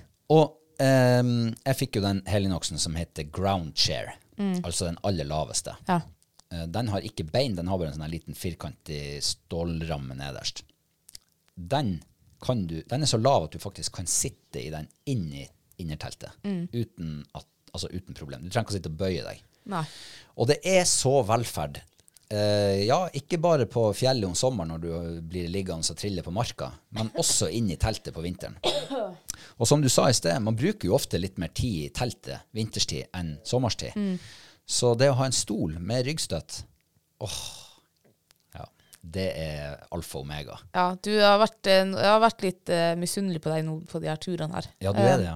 Men eh, jeg var jo så heldig at jeg også fikk, eh, fikk med en Helmarksstolen nå denne jula. Ja. Så nå er det min tur å få testa den ut på fjellet. Eh, Så slipper jeg å stjele din stol. ja, da kan vi sitte i lag Da kan vi sitte i inne i laget. teltet. Eller på Hva- yttersida. Har jeg eh, ground share? Selvfølgelig. Jeg har det, ja. Ja, ja, ja. Jeg kjøper ikke Helinox One. Det blir for høyt. Da måtte du ha sittet ned i kuldegropa i forteltet. Ja, Og nei, det der hadde vil ikke du vært helst noe ikke særlig. være. Nei, det hadde ikke vært noe sant? særlig. Der fryser ting fast. Og så har vi med oss eh, Ja, det her er jo mer din greie, da. Vi har kart og kompass med oss. Eh, Ja, det er veldig rart at det der egentlig er mer min greie, for det burde være din greie også. Det jeg burde har- være alle sin greie. Jeg har jo GPS-en med meg. Den, eh, hold, den har jeg holdt i alle år. Ja. Eh, Ja. Det er stas å sitte og, og gjøre kartstudier på den. Ja. Zoome ut sånn at du, du ser ikke en skit, det blir så smått. Nei, Nei. Ja, da zoomer jeg jo inn. Og så eh, plutselig så streiker batteriene. Da Hva har da? jeg ikke gjort det. Da har jeg, bare- jeg har jo med meg ekstra batteri. Ja, det der er det, Jeg stiller meg undrende til Ja. prioriteringa. For her er et eh, scenario, da. På, hvorf- altså på en måte som GPS-en har mer eh, verdi enn det her kart og kompasset ditt. Når vi er på fjellet, og så er vi på et litt større vann, og så har vi borer oss i hjel gjennom det vannet der, og så plutselig der treffer vi på fisk. Og det er altså bare fisk i akkurat det hullet. Og du står fem meter ifra meg, og to meter ifra meg, og det er ikke fisk i ditt hull. Men i mitt hull så er det fisk, og der er det fisk hver dag. Ja, hvordan i faen skal du finne tilbake til det hullet der med hjelp av kart og kompass? Nei, Nei. Det, men det er to på forskjellige ting. GPS-en så kan jeg bare trykke av liksom, akkurat der jeg står. Ja. Så har jeg koordinatene til neste gang jeg er der. Det kan du gjøre, og det funker jo GPS-en bra til. Men du må jo ha med deg papir, altså manuelt kart og kompass. Det er det, Jeg altså, må ingenting. Du må dø. Ja, det er sant. Ja, det kommer du ikke fra. Ja, men nå, er jo, nå trenger jeg jo eh, ikke å ha med det. Ehm, eh, du har jo med kart og kompass.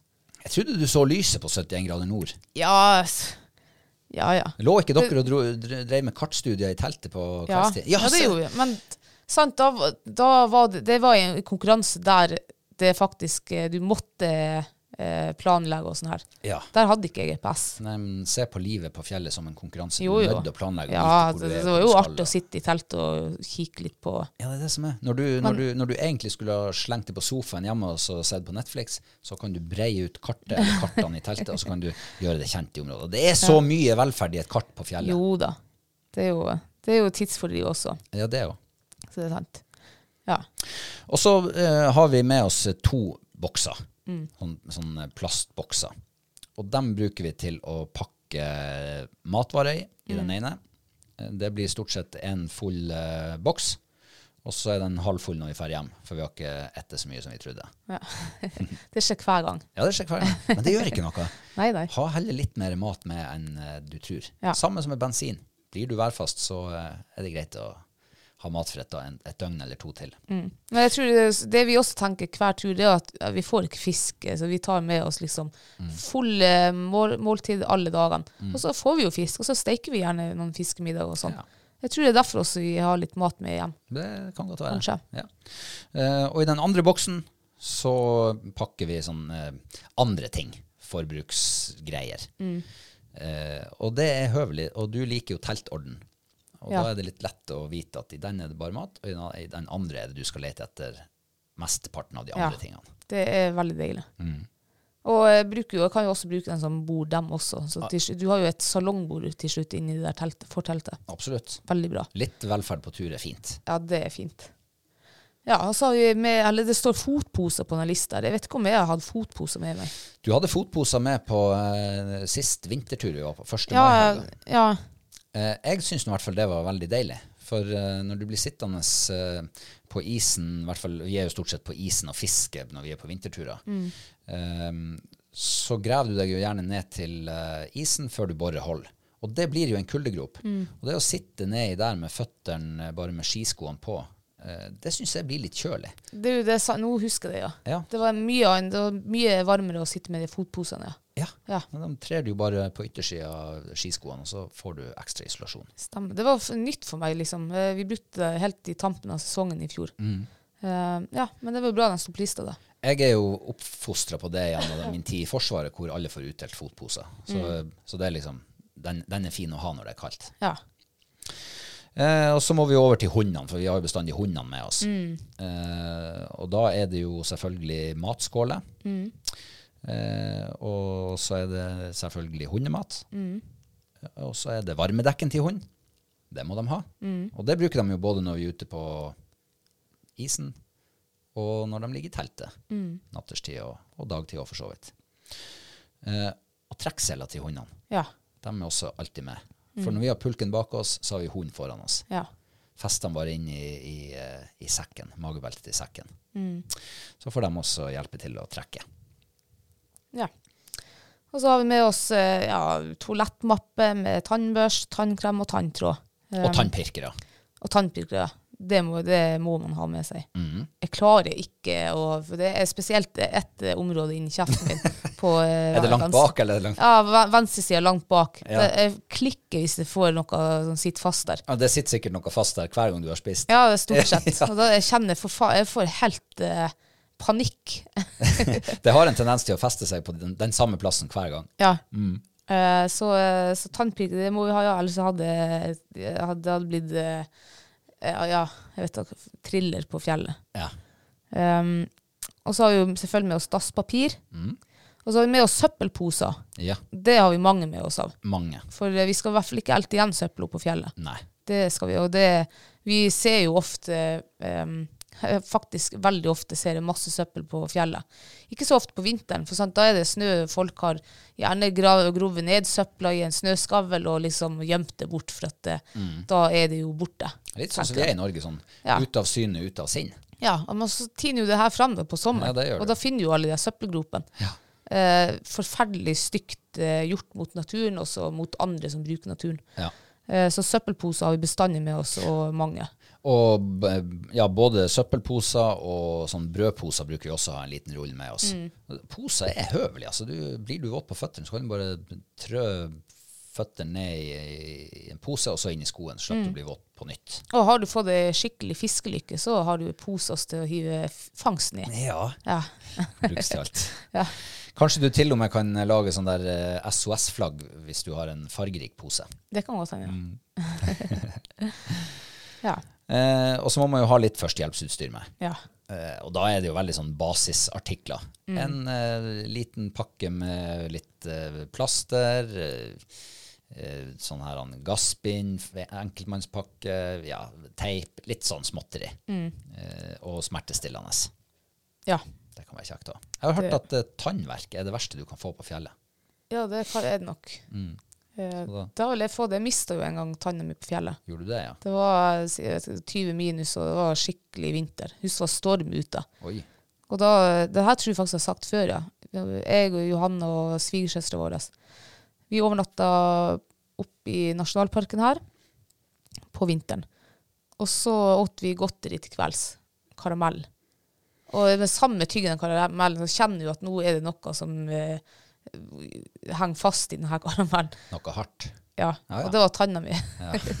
så hele fyllinga eh, på så jeg hadde jo, Det var jo kollåpent ned til Ai, eh, ai, ai. ai. ja, til Kald luft til inn i kraniet. kollåpent kranie, det, er det vondt, det? Ja, det var, ja, det var Får du is inn i tennene da? Ja, det var litt ising. Og, eh, men nå, jeg, har jo, jeg er jo oppvokst med ta- eh, tannverk i kjeften. Og det er faktisk det verste som kan være. Men jeg er også blitt, eh, sånn, jeg er, jeg er blitt godt vant med det. Så at jeg tåler en god tannverksdag eller to. Eh. For alle oss som ikke er oppvokst med tannverk eller eh, vondt her og der, så kan det være høvelig å ha noen tabletter i, på lur. Det kan det, ja. Eh, og apropos tann, tannverk, jeg, jeg har jo hatt eh, lege og tannlegestrekk siden jeg var liten. Så de gangene jeg har vært hos tannlegen, så står det akuttime på hele journalen min. så jeg er kun hos tannlegen når det er skikkelig akutt. Var du der da når tanna sprakk? Ja, jeg måtte, når jeg kom ned, så måtte jeg bare Jeg fikk- klarte ikke å ete på, for da er tanna det her er, Nå skal jeg fortelle noe, noe som ingen vet, det er kun du som vet det, liksom Å ja. det er at eh, de tre bakerste tennene på um, høyresida mi, eh, der den bakerste tanna er trukket. Den nest eh, bakerste tanna, det er den tanna som er mista på fjellet.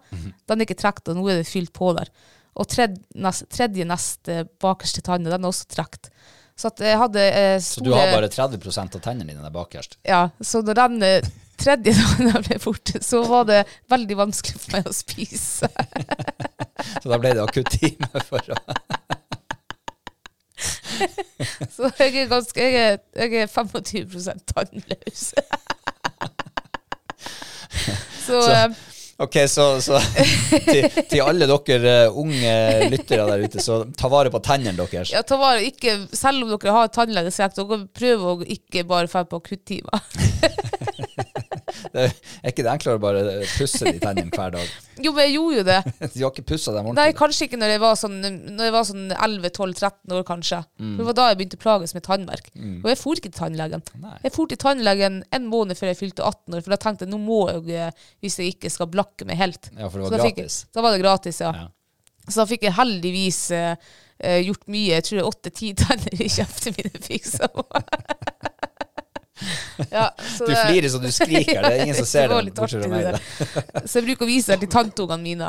Hvis de spiser godteri, så viser de meg kjeften. Se hva som skjer hvis dere ikke tar vare på tennene Ja. deres. Spiser du mer godteri nå, så blir du som tanta di. Yes, Ja. så ehm, nok om det. Ja. Ehm, hvor vi var kommet da? Jo, vi var kommet så langt at eh, det kan jo hende at eh, Det har jo vært inni kjeften, nå skal vi litt på yttersida av kjeften Ja. eh, din. Eh, for i hvert fall her nordpå så er ikke de to neste tingene eh, nødvendig riktig ennå. Men eh, sørpå, eh, sør for eh, moralsirkelen, eller pol polarsirkelen som de fleste kaller den for, Ja. så er det jo faktisk sol året rundt. Og jo lenger sør du kommer, så kan det jo faktisk hende at du trenger solkrem. Ja. Og i hvert fall solbriller. Selv på denne tida av året. Ja. Ja, Det er fort gjort å glemme, i hvert fall kjenner jeg det her oppe. Derfor er det viktig å ha på pakklista. ja. Eh, jeg har vært på fjellet når jeg ikke hadde solkrem, og, det, og med skikkelig sol. Altså, ja, det vi også har her oppe, da, igjen dem som bor hva det blir på sørsida av eh, polarsirkelen, det er at eh, i april måned, mai måned, når det enda er full vinter på fjellet, så har jo vi Sola går jo nesten ikke ned, da. Nei. Så da kan du bli, potensielt bli solbrent eh, 24-7. Ja. Så veldig viktig med solkrem. Eh, og så har vi noe med i sekken som eh, bestandig ligger i topplokket, og det er in reachen. Det, Mm, Hva er det? For dem som ikke vet hva det er. Ja, det er en håndholdt eh, eh, GPS med sånn her SOS-funksjon. Og så er det eh, på den vi har, der kan du også bruke til å sende melding, og så Men i, i hovedårsaken til at den ligger i sekken, er pga. den nødpeilesenderfunksjonen. Det er hovedgrunnen, ja. Ja. Det er jo en eh, De koster litt, eh, men det er jo sånn alt i alt, så det er veldig billig sånn eh, livsforsikring. Ja, er uhellet ute, og i hvert fall vi som har sparsomt med dekning oppe på, på fjellene her, Ja. så, så er det Som regel så er det satellittdekning. Mm. Og det her går jo over satellittsystemet, og du trykker på SOS-knappen, og så går det noen meldinger hit og dit, og så kommer et, eh, et eller annet og henter deg. ja. Mm. Så veldig Og den som vi har, er jo ganske dyr, men du får dem jo i ganske rimelige varianter. Ja, ja. Så jeg, jeg lurer på om du får dem ned i en 1500 kroner, kanskje. Ja, det gjør det nok kanskje. Eh, så den i hvert fall, men det er jo litt sånn der Noen syns jo det er veldig fint å være helt utafor dekning, av med ingen tekniske duppeditter, eh, ikke noe kontakt med omverdenen. Eh, og det er jo helt greit. Men eh, jeg tenker i hvert fall at det kan være greit å, å liksom tenke igjennom. Hva skjer? Hva gjør vi om uhellet skulle være ute? Og vi er så langt unna folk at vi ikke klarer å evakuere oss ned sjøl, eller at det er så kritisk at vi trenger hjelp umiddelbart. Det, er jo, det, er jo, det er jo hvis driten treffer vifta. Det er jo da den brukes. Ja, ja. Og du ser jo, altså, det har jo eh, det har gått liv på fjellet der det kanskje kunne ha berga oss hvis du hadde hatt en, den, altså en SOS-knapp å trykke på. Og så er du jo redd av livet også, som jeg vet om. Det er jo bare noen år siden at det, det var noen folk her inne på fjellet. De var ikke herifra engang. De var ikke kjent. De visste ikke hvilken fjelltopp eh, du kunne fære og få dekning på og sånn. Og så var det en lokal kjent også som lå der oppe på samme vannet. Og der blir jo han ene syk i det turfølget. Eh, og han hadde jo skikkelig brøstsmerter. Og d- sant, du er mange, mange timer ifra allfarvei og mobildekning. Heldigvis så lå det jo en, en, en annen mann der oppe med en sånn inreach, så han trykte jo på SOS-knappen. Og det tok en halvtime fra, altså til helikopteret kom, da. Og han hadde fått eh, hjerteinfarkt. Ja. Så, men eh, ja, livet ble berga. Ja. Eh, ja. Nei. det var, da går vi videre. Da går vi videre. Ja. Eh, og så er det jo sånn at eh, vi har alltid et sånt multiverktøy liggende i den utstyrsboksen. Eh, og det er jo en boks med lokk som du kan lukke igjen og låse, bare sånn hvis det, hvis det skulle være noe tvil om det. Og multiverktøy, genialt. Det kan du trenge til eh, alt mulig rart. Eh, åpne en boks, eh, skru fast en skrue i bindinga. Eh, ja, masse små reparasjoner som Ja. kan være nødvendig. Pulken har jo masse ting som kan eh, trenge litt reparasjoner, Mm. og da er du i hvert fall litt hjelpen hvis du har et litt sånn Ja. Leatherman-aktig sak. ja. Greit å ha med. Ja. Og den siste tingen på lista er jo litt sånn nice to have. Ja. Det er powerbank. Det er ikke ofte at den er med, men den er nå på lista, og hvis vi ja, p- altså, er du, Skal du bare være to overnattinger, så trenger du kanskje ikke den powerbanken med deg. Eh, men skal du være en uke på fjellet, så er det kanskje greit å ha hvis du skal ta, altså, bruke mobilen, ta bilder eller video eller ja. Eller eh, er du en plass der det er dekning, så går det jo fort litt strøm til å holde seg oppdatert. ja, da må den med. Ja, da må den være med. Og så må den med også på sommeren hvis du skal ligge en uke på fjellet, og det er veldig vind fire dager av de- den uka, for da ligger jeg ofte på Spotify og hører på musikk. Ja, da trenger du litt ekstra strøm. Da trenger du ekstra strøm. Det er rart ikke det står en bitte liten Bluetooth-høyttaler også på pakklista. da. Ja, kanskje den kommer. Kanskje det. Ja, jeg har faktisk tenkt på det noen, noen ganger når jeg har vært på fjellet. Faen, det har vært fint med en litt bedre høyttaler. Mm. Men på fjellet skal det være stille. Jo da. Fredelig. Tenk på alle de andre som ligger rundt deg der. i- Ja, men det er jo ingen andre, for vi er jo aldri der det er andre folk. Nei, det er sant. heldigvis. Så det er det som er så, så, så jeg får liksom både den stillheten, men vært, eh, ja, det har vært nice med litt ordentlig musikk på ørene. Mm. Og da er vi kommet til veis ende i vår lille mm, basisliste for vinterturer. Mm. Og så er det som vi sa i sted, hva er det du skal gjøre? Hva, hvorfor er du på fjellet? Skal du fiske, eller skal du jakte, eller skal du bare være på tur? Eh, skal du bare være på tur, så jeg tror jeg det her er godt inne på svarta, Ja. som et godt utgangspunkt. Og så må du jo kanskje, du må kanskje ha med deg noe klær også. Klær må du ha med deg. Ja. Ja. Så eh, på vinteren så er det, går det stort sett i ull, Gore-Tex og dun. Så det er ull fra innerst til, eh, til, eh, ja, til dunjakka, liksom. Mm. Eh, og så har jeg med meg eh, ja, Gore-Tex-bukser. Og så har jeg gjerne to, eh, i hvert fall to ullongser med. Mm. Det syns jeg er greit å ha, for at eh, plutselig så blir det 30 minus, og det, uff, og med én tynn, eh, eller med én ullongs, da, det blir fort kaldt. Ja, så det, og der er jo liksom, der er det jo ingen fasit. Nei. Der er det jo bare å, å Jeg bruker nå bestandig å pakke altfor mye klær med på vinteren. Mm. Akkurat som med mat. Altfor mye mat. Så man bruker jo Men det er jo viss om at det er dersom. Ja. Plutselig så blir man våt eller må gå en lang marsj og bli søkksvett, så er det greit å ha noe tørt å skifte til. Ja. Ha litt ekstra. Og når du har pulk med det, liksom, så er det jo det er nå bare å ta med det litt ekstra, tenker nå jeg. Har- På sommeren så har vi jo vært flinke nå i det siste, liksom, og ja, veie klærne våre, så liksom Mm. velge med omhu hva du putter i sekken. For det er ofte der også blir det jo altfor mye av alt med. Ja. Men sant, det, da, det krever mer å, å, å skal legge det fra seg på vinteren. Da. Ja. Ja.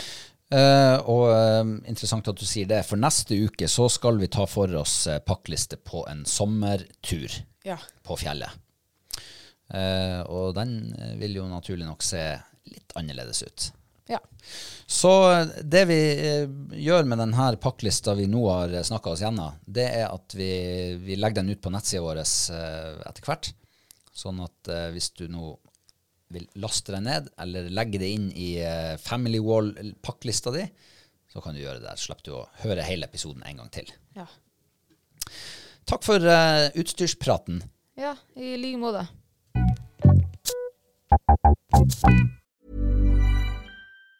Say hello to a new era of mental health care. Cerebral is here to help you achieve your mental wellness goals with professional therapy and medication management support. 100% online. You'll experience the all new Cerebral Way, an innovative approach to mental wellness designed around you. You'll get a personalized treatment plan from a therapist, prescriber, or both in a safe and judgment free space. Your cerebral therapist or prescriber will outline a customized plan with clear milestones along the way so you can get to feeling your best. With Cerebral, you're not alone in your mental health journey. We're here to empower you to live a fulfilling life. So take that first step towards a brighter future and sign up today at cerebral.com slash podcast and use code ACAST to get 15% off your first month. Offer only valid on monthly plans. Other exclusions may apply. Offer ends July 31st, 2024. See site for details. Hi, I'm Kara Berry, host of Everyone's Business But Mine, and I am an all inclusive addict. Enter Club Med, the best all inclusive for you and your family. With resorts worldwide, from their family flagship resort, Club Med Punta Cana, to their only mountain resort in Canada, Club Med Quebec, they have everything you need to relax. With their 20 plus sports activities, wellness programs, you can dine on delicious cuisine and make memories with your family. So book your next getaway with Club Med. Visit clubmed.us or call 1 800 Club Med or your travel advisor.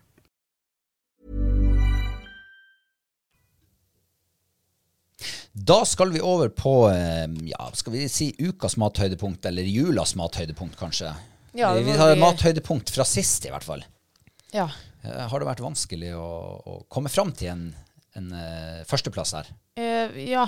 Det har Veldig jeg. vanskelig. Fordi at det har vært så mye god mat i jula og sånn? Eh, nei. Nei. Fordi at eh, Det var vel det jeg starta denne podkastepisoden med, at eh, jeg har jo ikke spist egentlig så mye god mat i jula. Men eh, det er jo ikke for at Altså, jeg har helt sikkert spist mye god mat, men jeg har mista smakssansene mine, jeg har ligget sjuk. Um, så jeg har rett og slett ikke hatt de store smaksopplevelsene som jeg skulle ønske jeg kunne hatt, for jula er jo mattid og Ja, så det er Øsj. Det er shit. Ja. Eh, vil du høre mitt mathøydepunkt, da? Jeg vil høre ditt, ja. Ja, og her må jeg bare si at eh, det går jo mye i ribbe, pinnekjøtt eh, ja, det, det er jo den tradisjonelle julefeiringa. ikke sant? Laks og torsk og alt mulig sånt. Eh, men i år så var det faktisk eh, Jo, det har vært mye god julemat, men det er to ting som stikker seg ut for min del. Det ene er mamma sin bacalao på en eller annen gang i rø- i løpet av romjula.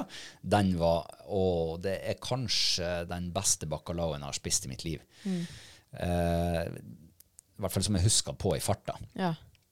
Så den eh, var i knallhard konkurranse med lutfisken som vi lagde andre juledag. ja. Det var det. Og den var altså så god. Med hjemmelaga eh, ertestuing, og den ble god for første gang. Og du er altså helt rå på den der eh, eh, sennepssausen. Jeg tenker at jeg klarte å lage en sennepsaus som smakte når jeg ikke sjøl smakte på den. Eller smakte Ja. Ja, da, da er du god, og så har du så har du, du er så trygg på konseptet at du bare gjør det. Smakk, smakk, smakk. Ja. Og så blir det bra. Du trenger ikke å smake engang. Ja, Heldigvis hadde jeg gjort det noen ganger før. Eh, Men eh, det er jo- det er jo artig at du sier den der bacalaoen til mor di, for jeg var jo også der og spiste. den. Og, og jeg hører jo dere sitte og skryte av den, og jeg tenkte uff, jeg vil også skryte, men jeg gidder ikke å sitte og lyge. Nei. Og for jeg, det smakte veldig lite av den. Ja. Men det er jo- var jo fordi at jeg ikke hadde smakssanser. Så jeg håper at eh, mor di inviterer oss en gang til på den bacalaoen der. For jeg har også lyst til å spise, eh, hvis du mener det var en av de be, altså beste bacalaoene. For jeg har spist mye gode bacalaoer. Mm. Eh, så det håper jeg hun inviterer oss en gang til. jeg. ja, og, og hun hadde jo eh, gjort en vri som jeg aldri har tenkt på Mm. eller smakt før eh, i bacalao, og det var sølvløk. Ja. Eh, Sølvløk har jeg fra barnsben av et eh, ganske ambivalent forhold til. Ja, ok. Det er noen annen historie, men når hun da hadde det oppi i bacalaoen, ja, det, var, det tilførte virkelig mye deilig smak. Ja, ok. Så det likte jeg veldig godt. Eh, og jeg har, just so you know, eller just for the record, så har jeg fått oppskrifta fra moderen på den der. Oi. Så eh, kanskje vi lager bacalao en dag, og så tar vi bilde av det, og så legger vi ut eh, den oppskrifta, mammas bacalao, på Ja. nettsida vår. Ja. Let's do Med it. sølvløk og det hele. Men det var altså lutfisken som eh, veldig knepent stakk av med, med seieren. Ja. Du da, har du, er det et eller annet du har fått smake noe? ja, så jeg måtte jo virkelig gå inn i tenkeboksen. Og, eh, Du har gravd dypt. Ja, og det siste jeg husker av det første jeg smakte um, gjennom jula Altså, det siste jeg, hu- altså det, det jeg husker, var det siste Nei. Uff, glem det. Ok. Det var i hvert fall de første smakene da, som Ja. jeg husker. Og Det er det siste jeg husker. Ja. Så i hvert fall um, Det er ehm, nyttårsmiddagen. Da, eh, det var faktisk ikke så verst. Um, begynte å få, begynte å, altså jeg smakte at det var kalkun. Jeg smakte, jeg smakte faktisk den deilige brunsausen som du hadde laga. Ja. Fantastisk god av den. Eh, kalkun er jo noe jeg bare spiser en gang for året, og det er på nyttårsaften. Og jeg gleder meg jo like mye hver gang, for jeg elsker kalkun. Jeg synes det, var- det er egentlig veldig rart at vi ikke lager det flere ganger, for det er jo fantastisk godt. det er det jo. ja, det er jo det. Eh, og, og så er det jo sånne, sånne ting som man lager veldig sjelden, sånn som kalkun. Ja. Det lager vi én gang i året.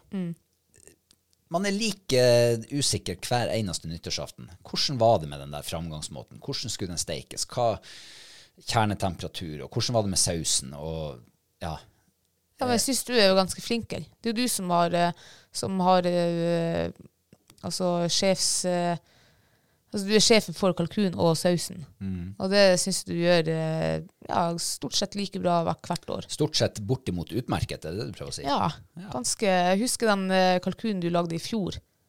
Altså forleden år blir det nå, da. det, er jo verdens, be- det var verdens beste kalkun. Så den i år var ikke helt, men det er jo kanskje for at man bare lager det en gang i året, da. Ja, man burde, det, det er som du sier, man burde lage det flere ganger. Ja, man gjør, burde det, ja. Ikke for ofte, men eh, kanskje en gang til sånn ut på seinvinteren. Ja, kanskje, Hvis du lager det fire ganger for året, da. Sånn hver andre, tredje måned. Ja. Ja, det hadde vært fint, det.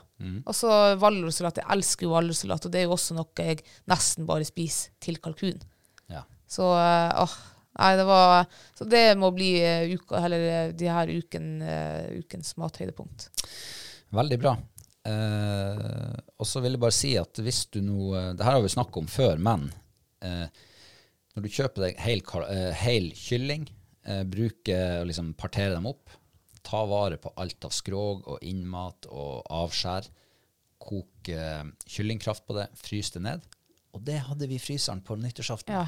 Tok vi opp en eh, boks med et beger med eh, kyllingkraft og hadde det oppi sausen Ja. i sauskrafta. Det tror jeg bidro, det også. Jeg, t- jeg er overbevist om at det bidro, for at jeg mener at denne sausen her er den beste sausen du noensinne har laga til Ja. kalkun. Kanskje. Ja. Og det sier litt når du bare smakte sånn halvveis. Ja, ikke sant. Altså smaksløkene. Ja, ja. Ja, nei, men Det blir spennende å fortsette utforsking av god mat utover altså. 2024 også. ja. Vi fortsetter spalten eh, Hall og knall-poddens life hacks Ja. for sånne som oss.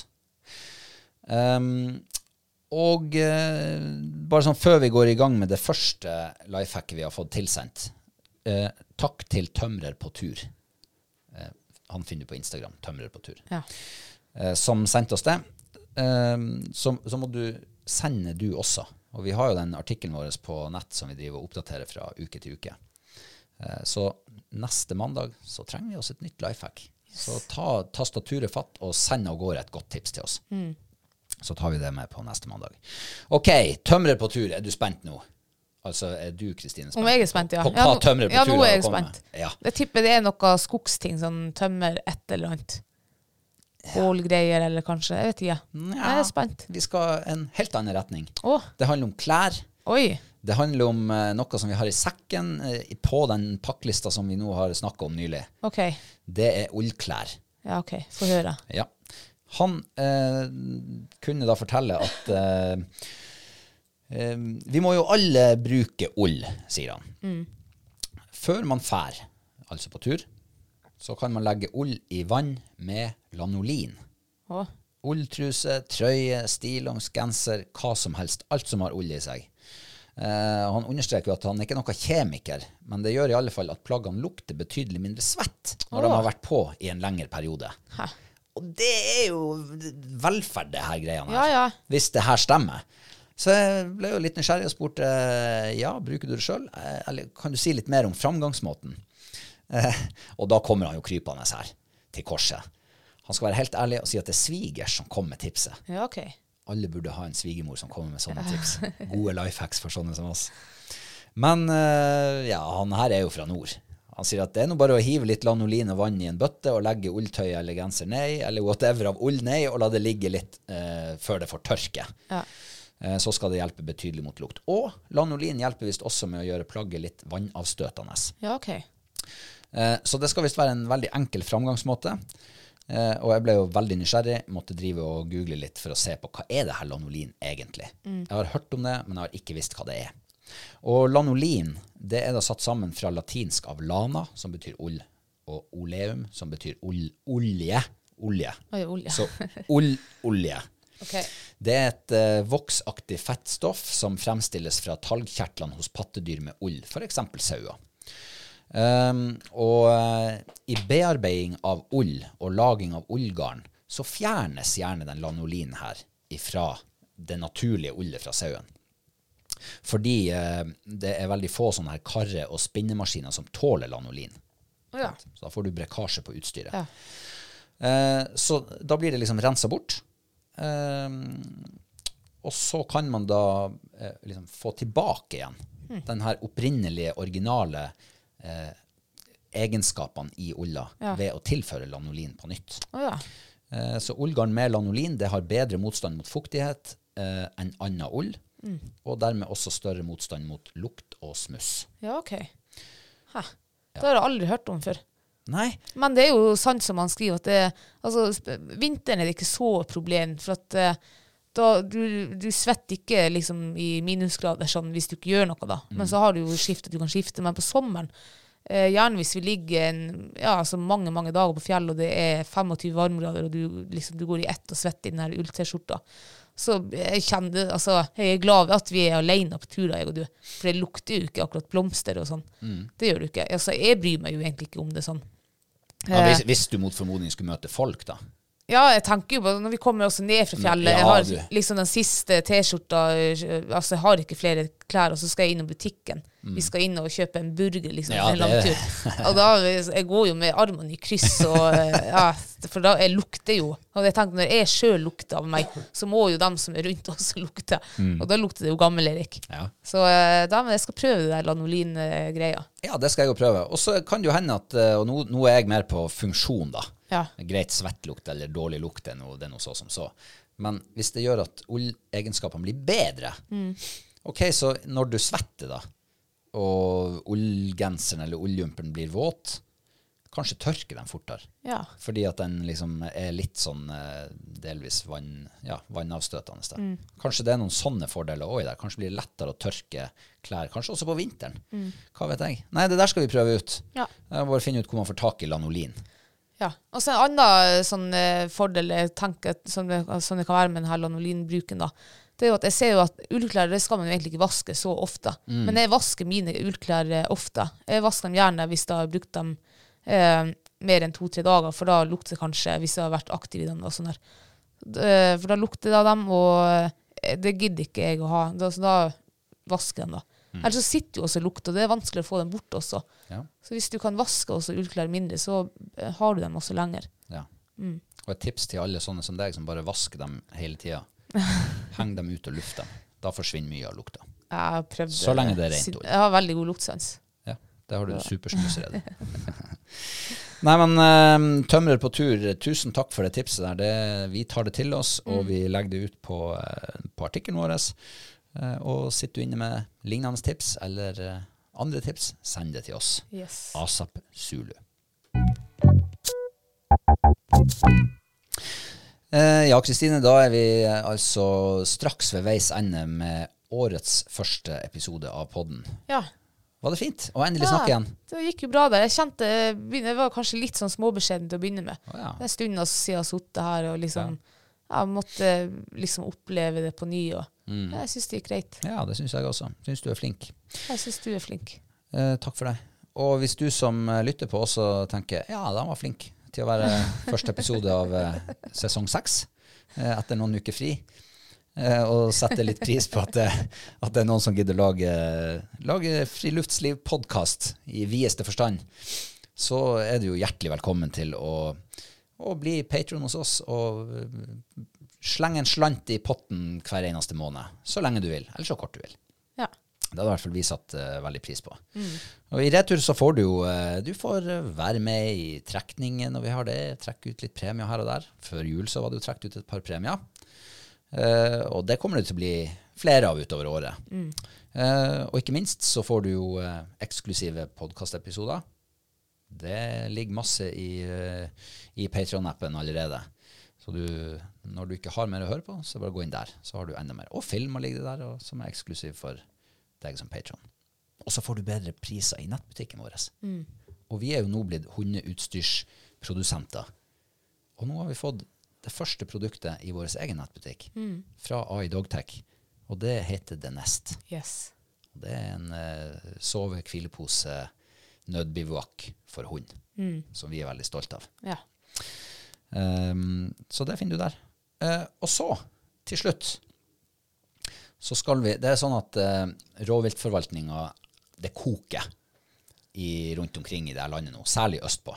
ja, så nå er det, det er Hver time så er det et eller annet nytt om eh, rovdyr. Ja. Ja. Og i særdeleshet ulv. Ja. For nå er det ulvejakt. Eh, så de får nå krangle der. Vi skal ikke gjøre det her, men eh, her oppe så er det jo eh, Om ikke like mye snakk, så er det i hvert fall ekstremt mange meninger, og det er mange som ser og observerer gaupe om dagen. Og vi har jo de her eh, rovviltnemndene rundt i landet. Eh, hos oss så er det region 8. Det er Troms og Finnmark, sånn stort sett. De har fått ny leder. Han heter Nils Einar Samuelsen. Han er ifra Lyngen, nabokommunen. Eh, sitter på fylkestinget, eh, og han leder nå den eh, rovviltnemnda her. De har foreslått å fjerne bestandsmålet på gaupe her oppe. Det skal ikke være noe kvote her. Nei. Han har vi invitert i studio. Han har takka ja til å komme, så i løpet av uka så skal jeg ha meg en prat med han Det blir spennende. få høre litt mer om det her eh, eh, rovviltforvaltninga. Det er mye vi ikke vet. Ja. Så her skal han få fortelle litt mer om hvordan det fungerer, og ikke minst mer om det her forslaget de har eh, eh, oversendt en eller annen, som ikke jeg vet helt. Sikkert hvem er. Miljødepartementet eller noe. Sikkert noe i den leia. Ja. Eh, Eller Stortinget. Noen på et kontor sørpå, tipper jeg. Ja. Så skal vi få høre hva de eh, kan si om det. Kanskje kan vi lære noe mer om rovviltforvaltning, det også. Så den kommer eh, en eller annen gang i nær framtid, den episoden, når vi har fått en prat med han Nils Einar. Ja, Kristine. Ja. Da er vi ferdig for i dag. Det Er det noe famous last word, f- words fra deg? Eh, ja, jeg, eh, etter ett og et halvt år eh, bruk eh, med vår nye traktor, så eh, fant jeg ut i dag at den faktisk hadde flere lys enn eh, det lille lyset som jeg har brukt nå i ett og et halvt år. Gratulerer med dagen. Takk. Det er bare å spørre hvis du lurer på noe. Til deg som har hørt på, tusen takk for det. Så høres vi igjen om en uke. Ha det godt. Ha det.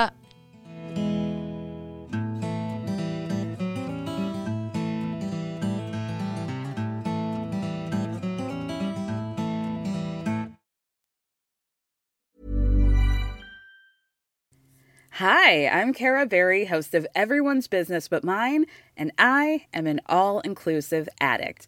Enter Club Med, the best all inclusive for you and your family. With resorts worldwide, from their family flagship resort, Club Med Punta Cana, to their only mountain resort in Canada, Club Med Quebec, they have everything you need to relax. With their 20 plus sports activities, wellness programs, you can dine on delicious cuisine and make memories with your family. So book your next getaway with Club Med. Visit clubmed.us or call 1 800 Club Med or your travel advisor.